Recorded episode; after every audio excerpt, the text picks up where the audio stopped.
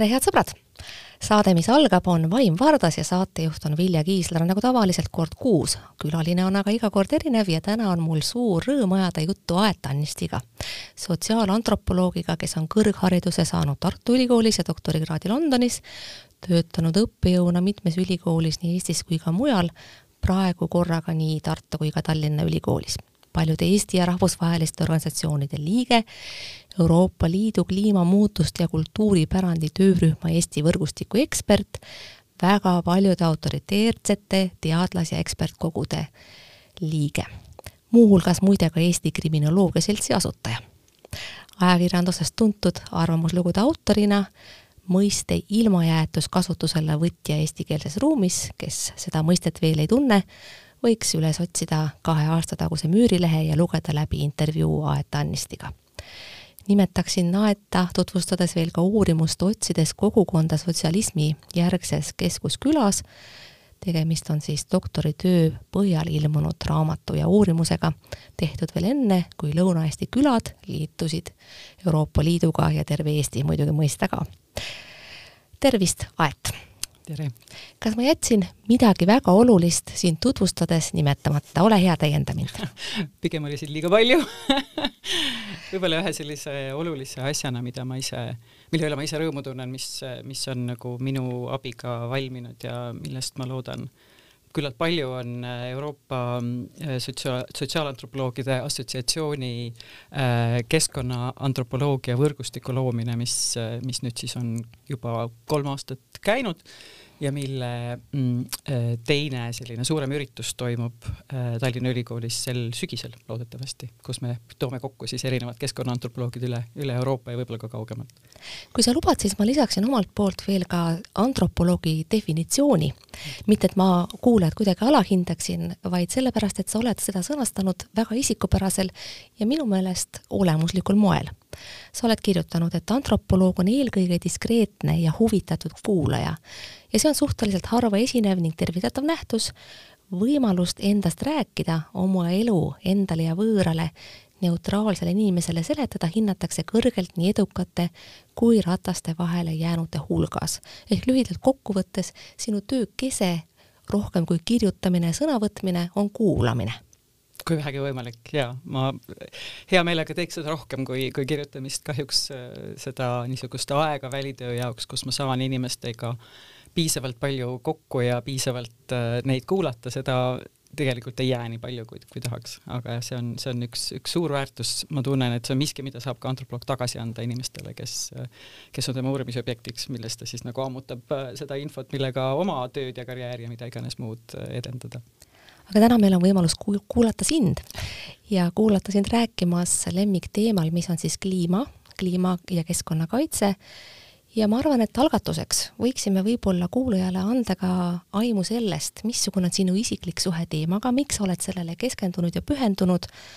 või siis küsides, nii nagu aeg-ajalt ka irooniliselt märgitakse, millest algas sinu kliimaärevus. kuulajale ma ütlen, et sõna kliimaärevus ümber on muidugi meetripikkused jutumärgid, sest mingit irooniat minu küsimuses kaasas ei ole. jah, selle kliimaärevusega alustades ütleks kohe, et ärevuse definitsioon on, et tegemist on põhjendamatu murega millegipärast, kliima, eh, kliima ei ole selline asi, kus me peaksime ütlema, et tegemist on põhjendamatu murega, et see on igal juhul miski, mis, mis, mis, mis peabki tege-, te-, tekitama muret ja, ja ärevust ja kõike muud ja, ja selles suhtes ma tõesti olen väga nõus nende jutumärkidega. Ähm, no ma arvan, ma ise olen nagu teised minuvanused äh, nõukogude ajast pärit ja, ja kogu see niisugune mm, äh, tarbimisvajadus oli meil kõigil üsna suur ja kui tuli äh, võimalus tarbida, siis ka mina olin üks nendest, kes, kes kahtlemata rõõmustas selle võimaluse üle ennast väljendada materiaalsete vahendite abil ja nii edasi. aga ma arvan, et mul oli ikkagi perekond võib-olla küll mitte väga keskkonnakeskne ja loodusekeskne, aga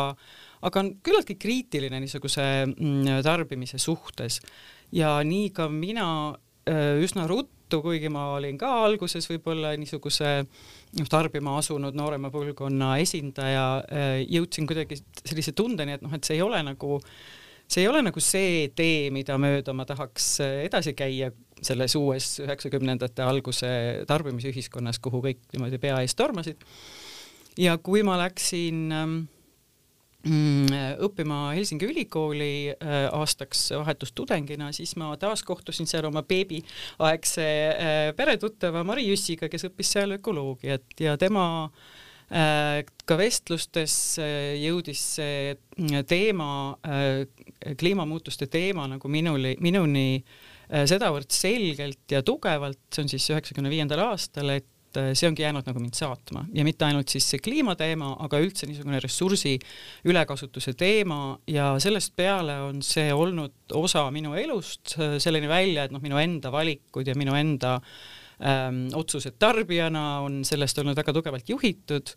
Äh, üheksakümnendate lõpus, kui ma hakkasin liikuma Inglismaa vahet, kuna ma olin seal magistrantuuris ja kohtusin seal siis ka oma tulevase abikaasaga, siis ma reisisin Inglismaa vahet küllalt palju ja, äh, ja ka see, mis ma siis ähm,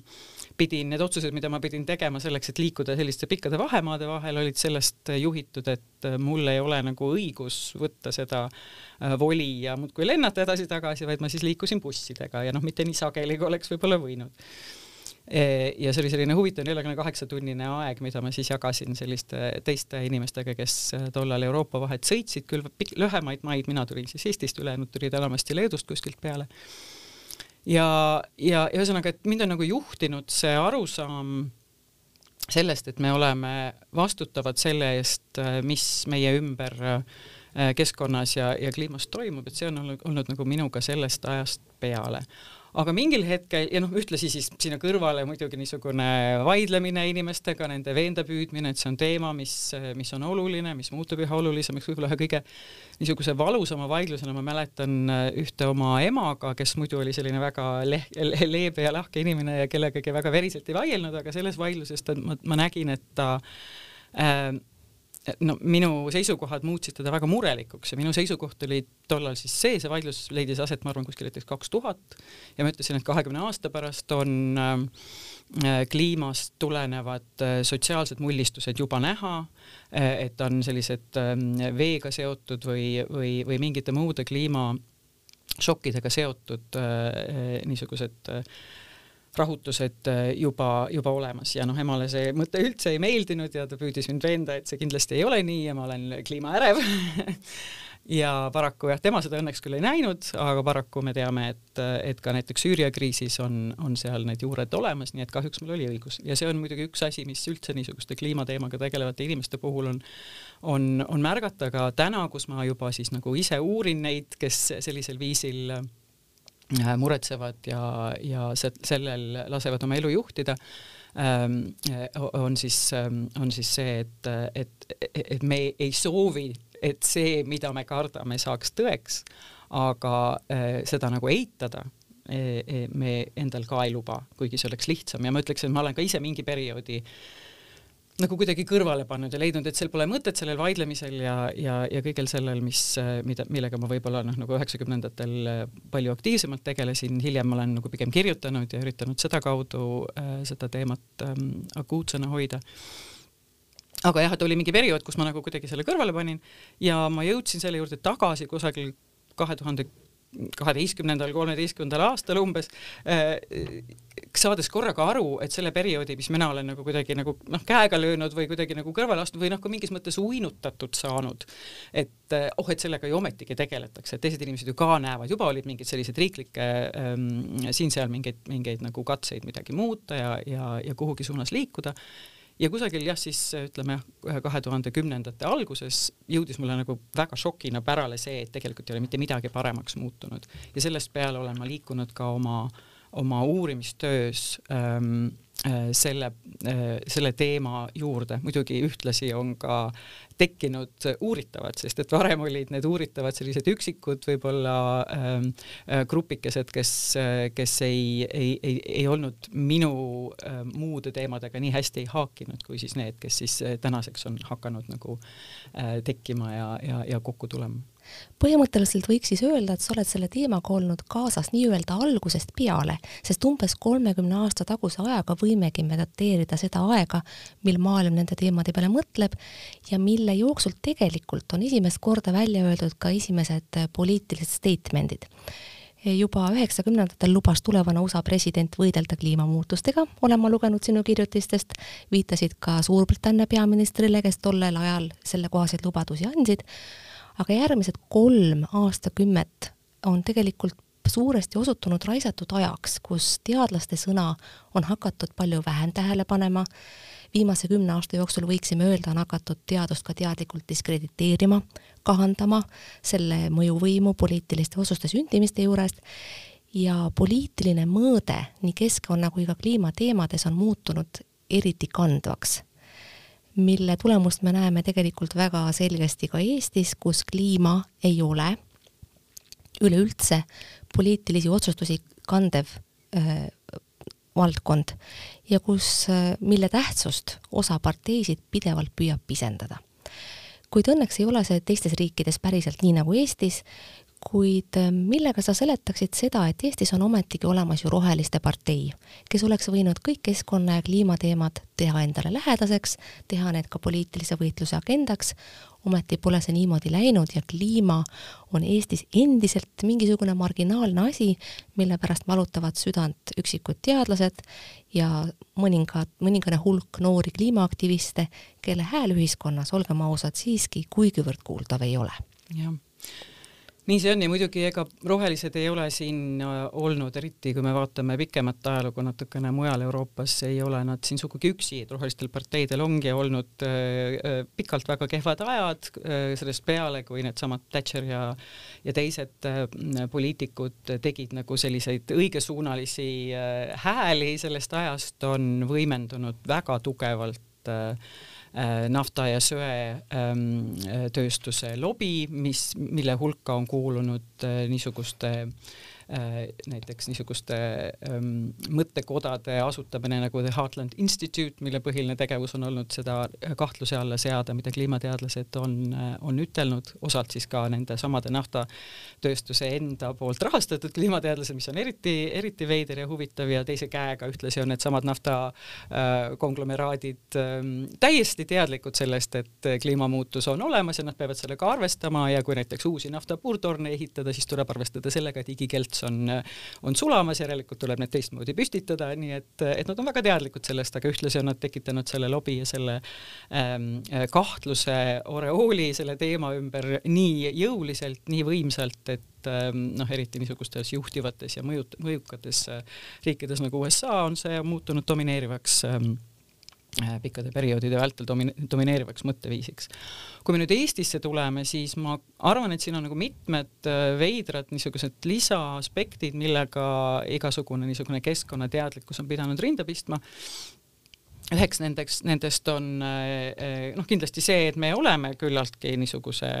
säilinud loodusega keskkond selle tõttu, et meil on väga-väga väike elanikkond eh, koondunud linnadesse, külades on, külad, külad on hajali, metsi on olnud ikkagi küllaltki palju. iseasi, kas, kas see õigustab seda, mis praegu metsamaadel toimub me oleme ennast ka pidanud metsarahvaks, kuigi mulle tundub vahel, et me ei ole mitte metsarahvas, me oleme selline hekirahvas rohkem, et saab nagu ennast naabrist kenasti eristada, aga, aga et ja mõte sellest, et kusagil on mets, on väga tore, aga noh, me ise nagu seda võib-olla väärtustada ei oska, kui me vaatame seda, mismoodi inimesed omaenda metsadega sageli toimivad või, või, või kui ükskõikselt suhtuvad sellesse, et et kusagil need metsad langevad. Õnneks on piisavalt suureks muutunud tänaseks see aktivistide grupp, kes, kes seda äh, äh, nagu niisuguste puupõldude äh, suunda küsimuse alla seavad. aga teine teema, mis ma arvan, mõjutab väga tugevalt eestlase suhet keskkonnaga on see, et me oleme ikkagi sellisest nagu äh, äh, minevikust tulnud, kus on äh, Äh, kust, kust siia siis nagu sellesse uude ajastusse liikumine on olnud väga oluline. ja üks protsess selles on olnud äh, niisugune korrastatuse loomine, eks ole, me oleme tulnud niisugusest sassis ja mittetoimivast Nõukogude süsteemist ja, ja see kena kahel käel vastu võetud kapitalism on meile pakkunud niisuguse korrastatuse, edu, progressi, igaühele võimaluse sinna sellesse, selle heki taha betooni peale endale kaks maasturit muretseda, kui sa nagu selleni jõuad ja nii edasi ja nii edasi, et see niisugune mm, Nõukogude ajast välja ja sellest eemale liikumise soov on meil endiselt väga tugev, see on ikkagi niivõrd hiljutine, et see tunne, et noh, et ma pean nagu edasi veel ja veel ja veel edasi liikuma materiaalses sfääris on väga intensiivne. siia juurde tuleb muidugi ütelda, et juba Nõukogude aeg oli väga materialistlik tegelikult, nii et, et see oli kindlasti mitte nagu mingisuguse ideelise ajastu muutumine materialistlikuks ajastuks, vaid sedasama materialistliku ajastu jätkumine äh, nüüd juba siis äh, rahaga, millega siis sai omandada kõiki neid või saab endiselt omandada kõiki neid materiaalseid väärtusi nii et ma arvan, et see on ka miski, millega on, on olnud väga keeruline äh, ähm, nagu võidelda ja ühtlasi see kuidagi, see on varjutanud seda arusaama sellest, et äh, mingid asjad võivad halvasti minna äh,. siia võiks nüüd kõrvale mõelda sellele, et äh, noh, võib-olla mitte niivõrd Eestis, kuivõrd näiteks Ameerikas ja, ja ilmselt ka Inglismaal, kust siis need äh, varased arusaamad, et midagi on nagu halvasti ja midagi peab muutma, pärinevad äh,, on äh, teatud niisuguse tööstus, äh, tööstusliku leivateenija äh, nagu imago või, või vajadus koge- või noh, nagu kogemus ähm, ennast ümbritsevast reaalsusest kui millestki, mida tuleb äh, nagu ära kasutada, ekspluateerida, et ma olen mingi tööstuse esindaja, ma töötan näiteks, eks ole, Eesti puhul siis äh, mõnes kaevanduses või, või Ameerika puhul samamoodi äh,, kus, mis, mis on, eks ole, söetööstuse või, või, või, või naftatööstuse või kivisöe või mille iganes muu äh, esindaja. Ja ja, ja see on see koht, mis annab mulle leiva, kui nüüd hakata kahtluse alla seadma, see on siis nagu täiesti lihtsa inimese, lihtsa töötaja tasandil, kui hakata kahtluse alla seadma seda, siis seatakse kahtluse alla nende inimese õigus olla, inimeste õigus olla nagu leivateenijaks omaenda perele ja see kuidagi õõnestab ja noh, see on ka üks põhjus, miks näiteks äh, kliimaeitajate hulgas on mehi rohkem, õõnestab seda niisugust äh, tööstuslikku leivateenija äh, mehelikkust ja, ja staatust. ja mm, ja ilmselt on jälle, see on miski, mis on seotud äh, Nõukogude ajaga kenasti. Äh, e-, et, ähm, et ka tollal, eks ole, kõik need kaevandused on ju tollest ajast pärit, need nende, nende inimeste äh, elurütm ja, ja, ja mõtteviis on, on kujunenud tolles ajas ja võib-olla see on ka kandunud osalt järgmise põlvkonnani välja ja mm, niisugune arusaam, et me ei oota looduselt armuande, me võtame neid, mis on jälle täiesti nõukogudeaegne, on jätkunud, meil on endiselt täpselt seesama suhtumine, et see ei ole, meil on väga lihtne niimoodi mõtelda, et on mingisugune nõukogude ajalik, ajalik mõtlemine, kuhu me viskame kõik halvad asjad ja oh, me oleme sellest eemale liikunud, ei, me oleme täpselt samasuguse mõtlemisega jätkanud äh, väga suurel määral ja, ja, ja selle, selle ületamine on ilmselt küllalt äh, keeruline ülesanne olnud kõigile nendele keskkonna ja, ja Äh, ja, ja rohelistele liikumistele kui meie puhul mõelda Nõukogude ajale, siis tundub tagantjärele võttes selline neolab-, neoliberalistlik tõus või edukultuse arenemine mõnes mõttes ju ka loogiline ja küllap on see kõigile sellistele postsovetlikele ühiskondadele teataval viisil omane. kuid sinu juttu kuulates tuleb mul meelde eh, kõik sinu muu kirjutatu, mis tegelikult on neoliberalismi suhtes äärmiselt kriitiline ja kui väga lühidalt meenutada sinu sõnavõtte, siis võiks ähm, viidata sellele sinu arutluskäigule, et neolab-, neoliberalismi kriis on teataval viisil viinud paremäärmusluse tõusule. ja paremäärmuslused omakorda on jällegi kliimateemade suhtes ja keskkonnateadlikkuse mõttes eh, noh, pigem ma ei tahaks öelda vähem haritud, aga ütleme siis skeptilised ehk siis selline poliitiline taak selles teemas on kogu aeg kaasas ja see poliitiline taak ei käi tingimata ainult parem- või vasakpoolsuse, konservatiivide, liberaalide kohta, see ei jookse tingimata ka alati ainult põlvkondi pidi, eh, vaid eh, on selline laiem ja väga palju mitmekihilisem. kas sa saaksid kuidagi lühidalt ja hõlmavalt teha nähtavaks seda kliima- ja keskkonnateadlikkuse seost poliitiliste liikumistega siis Eesti ja võib-olla ka maailma näitel ja näidata, kuivõrd mitmekihilised need seosed on, sest noh, viidata parem- või vasakpoolsusele, konservatiivsusele või liberaalsusele selles teemas on ilmselt liiga lihtne jah, no üks selline ikkagi otseselt äh, rahvuslike liikumiste ja, ja niisuguse äärmusrahvuslusega seotud äh, probleeme on see, et nende sees ei ole ruumi äh, globaalsusele, et ähm, ühiselt mingite asjade lahendamine ja kliima ja keskkonnateema seda on, nagu ei mahu nende mõtteviisi. Ja, ja, ja sellega on seotud ka niisugust tüüpi liikumiste mm, äh, soov ähm, noh, vähendada probleeme, mis sellest äh, tulenevad. Sealhulgas siis, eks ole, seda, mis, mis ilmselt juba, juba on mingis mõttes märgata, aga mis kindlasti suureneb, ehk siis äh, Äh, migratsiooni, mis on, mis on põhjustatud äh, kliimamuutusest, ähm, see võimaldab vähendada kaastunnet nende suhtes, kes liiguvad, sest et noh, loomulikult nad ei liigu mingisugusel põhjendatud põhjusel, vaid loomulikult ainult selleks, et mingit materiaalset heaolu endale. ma ütlen siin vahele, et äh, aeda sõnade ümber on pikad jutumärgid, mida kahjuks pilt ei näita, aga võtke need teadmiseks, raadio puhul tuleb alati öelda. Kahjuks jah, see irooniline toon võib-olla ei kosta väga hästi välja. Aga, aga ma arvan ka, et, et Äh, nendel konservatiivsetel liikumistel äh, on väga tugev ähm, niisugune äh, globaalne juur, globaal-, tähendab, see tuleneb sageli nende, nad on informeeritud sageli kaugetest maadest, eriti, eriti eks ole Ameerikast ja kogu sellest kliimaskeptitsismist, mis seal on, on nagu mm, väga tugeva sellise positsiooni võitnud ja, mm, ja seal on see muidugi seotud ka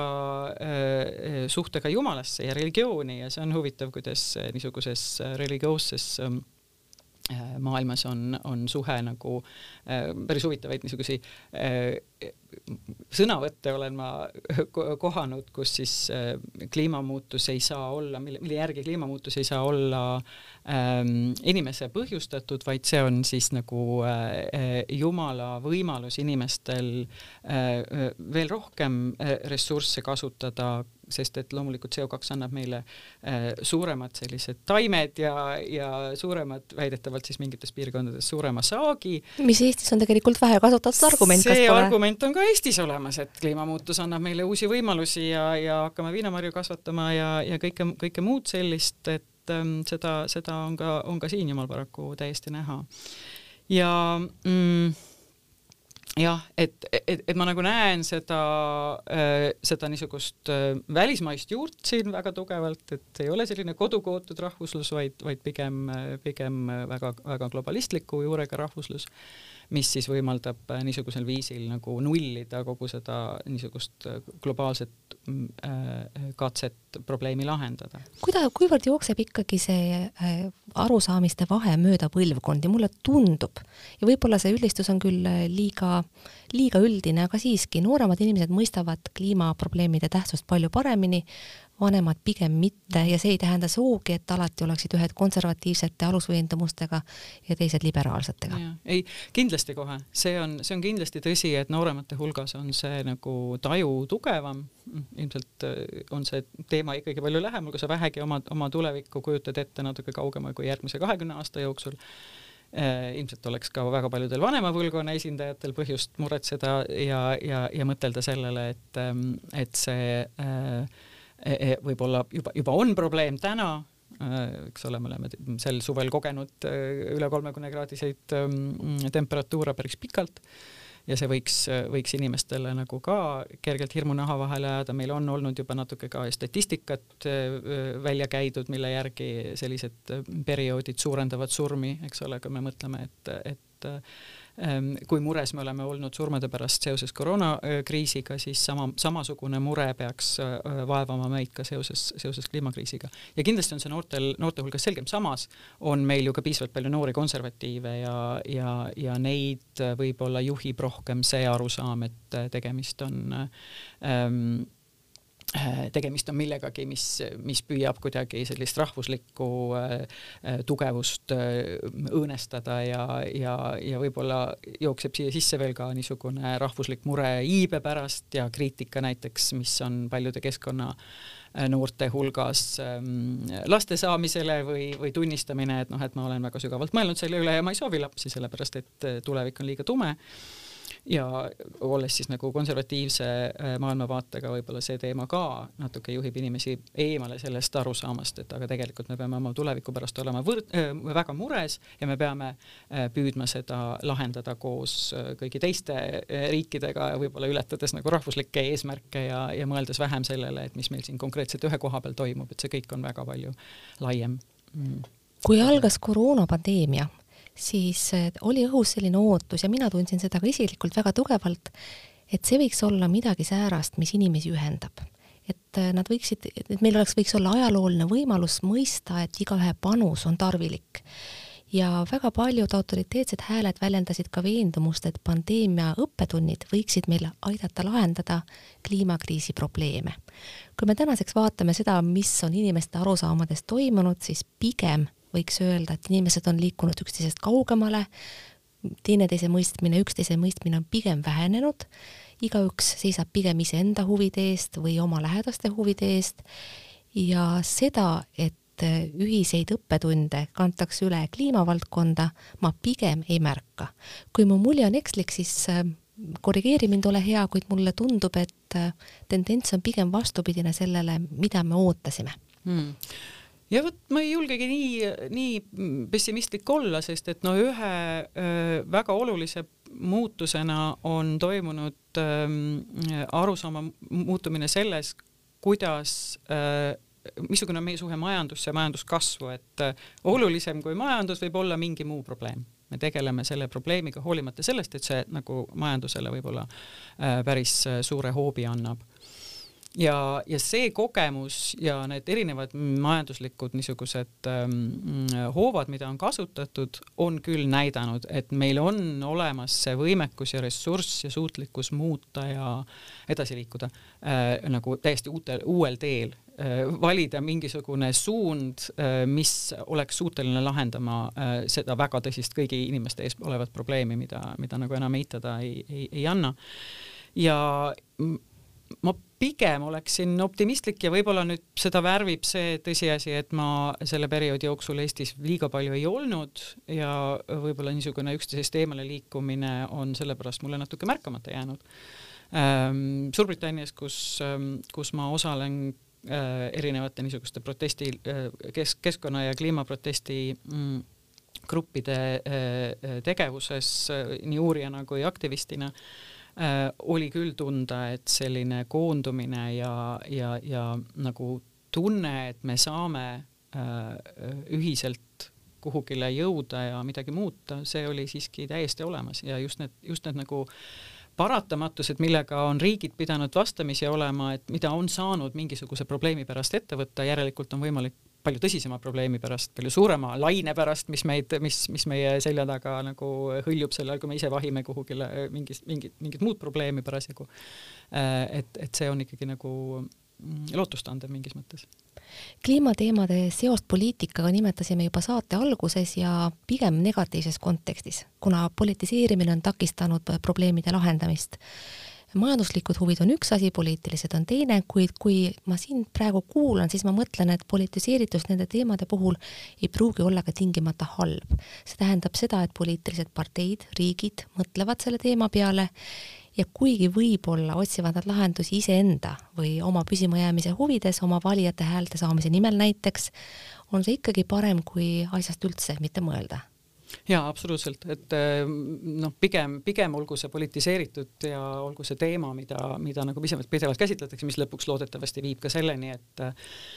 rohelistel parteidel on, on rohkem äh, lootust võimule tulla ja seda me oleme ka näinud äh, Saksamaal ja ka Suurbritannias on liikumine sinnapoole, protsendid, mis antakse äh, rohelistele liikumistele mm, valimistel, on, on märgatavalt tõusnud, paraku on see valimissüsteem neil selline, et, et need ei ole jõudnud nad parlamenti sellisel hulgal nagu, nagu võinuks nii et ähm, pigem jah, vastanduse majandus versus keskkond, äh, selle vastanduse asemel jõuda nagu arusaamale, et tegemist on poliitilise ja moraalse küsimusega, on suur, suur samm edasi, ma ütleksin. Ähm, samal ajal paraku on osa sellest poliitikast see, et, ähm, et tegeletakse rohepesuga, et äh, selles Äh, äh, niisuguste lahenduste väljakäimisel, väljakäimises elanikkonnale ei ole läbi mõeldud seda, et noh, et aga, et kas see on ka reaalne või see on ainult nagu linnukene, ainult niisugune ähm, äh, noh, nagu mm, kõige nähtavam osa, mille all on tühjus, mille all ei ole seda sisu, mis, mis, mis päriselt ka äh, ressursside ülekasutuse ja, ja kliimamuutuse probleemiga tegeleks. E, õnneks on tänaseks need keskkonnaliikumised ja, ja erinevad rohelised parteid ja, ja inimesed, kes selle teemaga on juba siis, eks ole, kolmkümmend ja üle kolmekümne, olen kohanud ka inimesi, kes on öelnud, et nad on viiskümmend aastat selle teema pärast muretsenud et, et need, need inimesed on sedavõrd kogenud, et nad näevad seda rohepesu väga hästi läbi ja panevad sellele nagu sõrme peale ja kritiseerivad seda. muidugi seda võib kohe hoobilt visata prügikasti ja öelda, et tegemist on äh, hirmu külvamisega ja oh, et lahendusi nagu ei olekski, et te kogu aeg iga asja, mida meie muudkui püüame lahendada, teie muudkui kritiseerite, samas läbi selle kriitika äh, sunnitakse ka, ka seda rohepesu niisugust fassaadi äh, kõrvale heitma ja nagu sisu juurde asuma, sest et noh, loodus ja, ja füüsikaseadused ei hooli meie fassaadist ja meie, meie võimest niisuguseid poliitilisi mulje luua, on ikkagi vaja reaalseid tegusid selleks, et midagi muuta. võib-olla mõni sõna ka Eesti valitsuse otsuse kohta liituda siis Euroopa Liidu kliimaeesmärkidega, me oleme seda teinud, kuid juba hetkel, kui seda tehti eelmise valitsuse ajal, kõlasid kriitilised hääled, et oh, see on aeg, see aeg on nii kaugel, me tegelikult kohe praegu ei pea üldse midagi tegema hakkama. ja noh, olgem ausad, poliitikutel on väga palju muid teemasid, millega valijate hääli püüda, sügisel kahed valimised, kaugel järgmised Riigikogu valimisedki on, kliima on ikka justkui tagaplaanil. on Eesti poliitilised parteid olnud siirad kliimaeesmärkidele alla kirjutades? no ma kahtlustan, et pigem on see olnud selline žest, just täpselt selline öö, oma käsi kaunilt roheliseks maaliv žest, mille, mille, mille siiruses ma natuke kahtlen. ja see näitab seda, et inimesed, kes sellega tegelevad, ei ole ilmselt maha istunud ja mõelnud, mida see kliimamuutus meile reaalselt lõpuks ikkagi tähendab, kui, kui ruttu me jõua, võime selleni jõuda, kui me arvestame sellega, et me oleme lükanud seda teemat edasi juba kolmkümmend aastat. kui me nüüd räägime kliimalahendustest järgmise kahekümne aasta jooksul, siis see on natuke liiga hilja ja, ja paljud kliimaliikumised äh, ütlevad just väga intensiivselt seda, et meil ei ole seda aega, meil ei ole nii pikka aega, see kogu see kliimapakett äh, tegelikult tegeleb ähm, äh, probleemi edasilükkamisega, me peaksime sellega tegelema. Täna, me peaksime sellega tegelema väga intensiivselt, noh, samasugusel viisil, nagu me tegelesime pandeemiaga. Äh,, peaksime me mobiliseeruma kliimateema ümber just juba nüüd, kohe ja praegu. Ja, ja selle juurde ma tuleksin nüüd tagasi selle alguse juurde, millest, millest me rääkisime kliimaärevusest. Tegelikult mulle tundub, et inimesi liigutab ainult hirm, ainult see, kui nad tõesti saavad aru, et äh, mida see tähendab, missugused õudused meid ees ootavad, kui me vaatame natukenegi kaugemale, Eestis on jah olnud küll väga kuumad ilmad, aga noh, see ei ole siiamaani tekitanud selliseid maastikupõlenguid nagu, nagu mõnel pool mujal eh, ja jumal tänatud, samas noh, ilmselt kuna see tundub olevat meist kuidagi kaugel, me suudame seda teisestada, me suudame selle endast nagu eemale kujutleda, ei ole me seda teemat suutnud ka piisava tõsidusega võtta. Need grupid, kes siis seda tõsi, väga tõsiselt võtavad, on seda suutnud läbi tunnetada, mida see tegelikult tähendab kui niisugused protsessid on juba mujal ainult selle väikese äh, kraadi tõusuga, mis me oleme juba kogenud, juba praegu aset leidnud. see jätkub ja, ja selle, selle tagajärjed on, on lõpuks sellised, et, et noh, siis enam lahendusi otsida ja lahendusi ellu viia on väga keeruline, kui need protsessid vallanduvad nagu väga suure mahuliselt äh, üksteist võimendades aga et kui sa lubad, siis lõpetuseks pöördan ma jälle tagasi sinu isiku juurde, ehk siis äh, küsimuse juurde, mil moel ja mil määral ja missuguste vahenditega oled sa ise valmis inimesi hirmutama, et nad midagi ette võtaksid, sest äh, teadlased kõnelevad enamasti viisakalt, argumenteeritult, rahulikult, mõnikord ka aeglaselt. Ja see on äh, viis, millega kõikide inimesteni kindlasti ei jõua. mida oled sa valmis veel tegema väljaspool oma teadlase tegevust, oled sa valmis näiteks liituma mõne poliitilise parteiga, oled sa valmis näiteks kandideerima presidendiks või peaministriks saama, noh, selleks sa pead muidugi enne ka mõne poliitilise liikumisega liituma. ehk siis missuguseid variante inimeste hirmutamisel peale teadlase karjääri oled sa veel kaalunud ja kuidas ikkagi jääks poliitikaga? ja ma kardan, et hir hirmutamisega vist poliitikasse ei purjeta väga hästi, et inimesed vist niimoodi selle, selle programmiga, et ma, ma tulen teie, teie, teid valitsema selleks, et teid paremini hirmutada, sellega vist eriti kaugele ei jõua. miks, oleks... meil on poliitilisest reaalsusest tuua vägagi värskeid näiteid, jätan nimed praegu nimetamata, hirmutamine on mõne partei põhitegevus. see on muidugi tõsi jah, aga mulle tundub, et see hirmutamine kuidagi sobitub kohaliku elanikkonnaga paremini aga, aga jah, selline partei, mis, mille nimi oleks, ma ei tea, mm, emantsipeerunud katastrofism või, või midagi niisugust, et see võiks ju olla, olla nagu perspektiivis, kui seda suudaks tõlkida niimoodi, et, et tavalisele inimesele ka kohale ei jõua. võõrsõna ei tohi olla, kui sa tahad poliitikasse siseneda. just täpselt, nii ma kardan, et ma võib-olla ei ole, ei ole nagu poliitikasse sobiv kandidaat, aga selle hirmutamise teemaga ma noh, jõudumööda tegelen ajakirjanduses sõna võttes. Ähm, ma olen nii Eestis kui Inglismaal sellise liikumise, mille eestikeelne väga kena vaste, mille siinse liikumise esindajad on välja pakkunud on vastuhakk väljasuremisele ehk siis Inglismaal Extinction Rebellion, ma olen selle liige, osalen nende protestidel, nad on ilmselt Eesti mõõt-, Eesti mõõdus küllalt radikaalsed ja siin ei ole nad seetõttu ka eriti tugevat kandepinda veel saanud, samas ma usun, et see tekib, mida enam inimesed nagu, mida rohkem on neid inimesi, kes tulevad kuidagi nagu erinevatest urgudest, kus nad on keskkonna pärast muretsenud üksinda, tulevad välja, tulevad kokku ja see on siis nähtus, mida ma olen hakanud nimetama äh, kliimasotsiaalsuseks, see on minu praegune uurimisteema ühest, ühest küljest, aga teisest küljest on see ka minu praegune niisugune lootuste allikas ja hirm on tegelikult äärmiselt oluline ja ma loodan, et ikkagi lihtsalt rääkimisega ja, ja jah, ka protestidel osalis-, osalemisega on võimalik inimestele äh, pärale viia, kui, äh, kui suure riskiga me mängime, kui suure ohuga me mängime ja kui, kui suure riski me nagu kõrvale jätame. ja kui inimesed on, et hirm ei ole miski, mis on, mis on nagu halb. hirmunud inimesed Äh, muidugi on mingi periood, mille jooksul tuleb seda hirmu äh, tunda ja, ja see võib olla osadele inimestele väga raske nagu üle saada. aga, aga natukenegi nagu järgmisele e-, etapile jõudes äh, viib hirm ka depressioon, viib inimesed otsima äh, teisi, teiste tuge, äh, otsima lahendusi teiste abil ja see viib niisuguste kliimagruppide ja ja kliimasotsiaalsuse tekkeni. Ja nendes erinevates niisugustes liikumistes ja gruppides ma öö, osalen intensiivselt ja läbi selle osaluse ma loodan, et ma suudan ka nagu teistele öö, sellest väljapoole öö, jäävatele inimestele pikkamööda selle noh, karta on, et liiga pikkamööda, eks ole, selle teema olulisust ja selle teema võimalikke juba läbi kombatud lahendusi, mida need grupid on teinud, kohale viia hirm paneb mõtlema ja lahendusi otsima, selles on sul tuline õigus ja selleks, et kedagi hirmu abil mõtlema panna, ei pea olema tingimata ise hirmus. et Annist, ma tänan sind südamest selle jutuajamise eest, armsad kuulajad, ma tänan ka teid, et kuulasite. kuulake teinekord ikka jälle, järgmine saade Vaim varbas va,, Vaim vardas on eetris juba kuu aja pärast ja saatejuht on siis ikka Vilja Kiisler. Kuulmiseni, nägemiseni.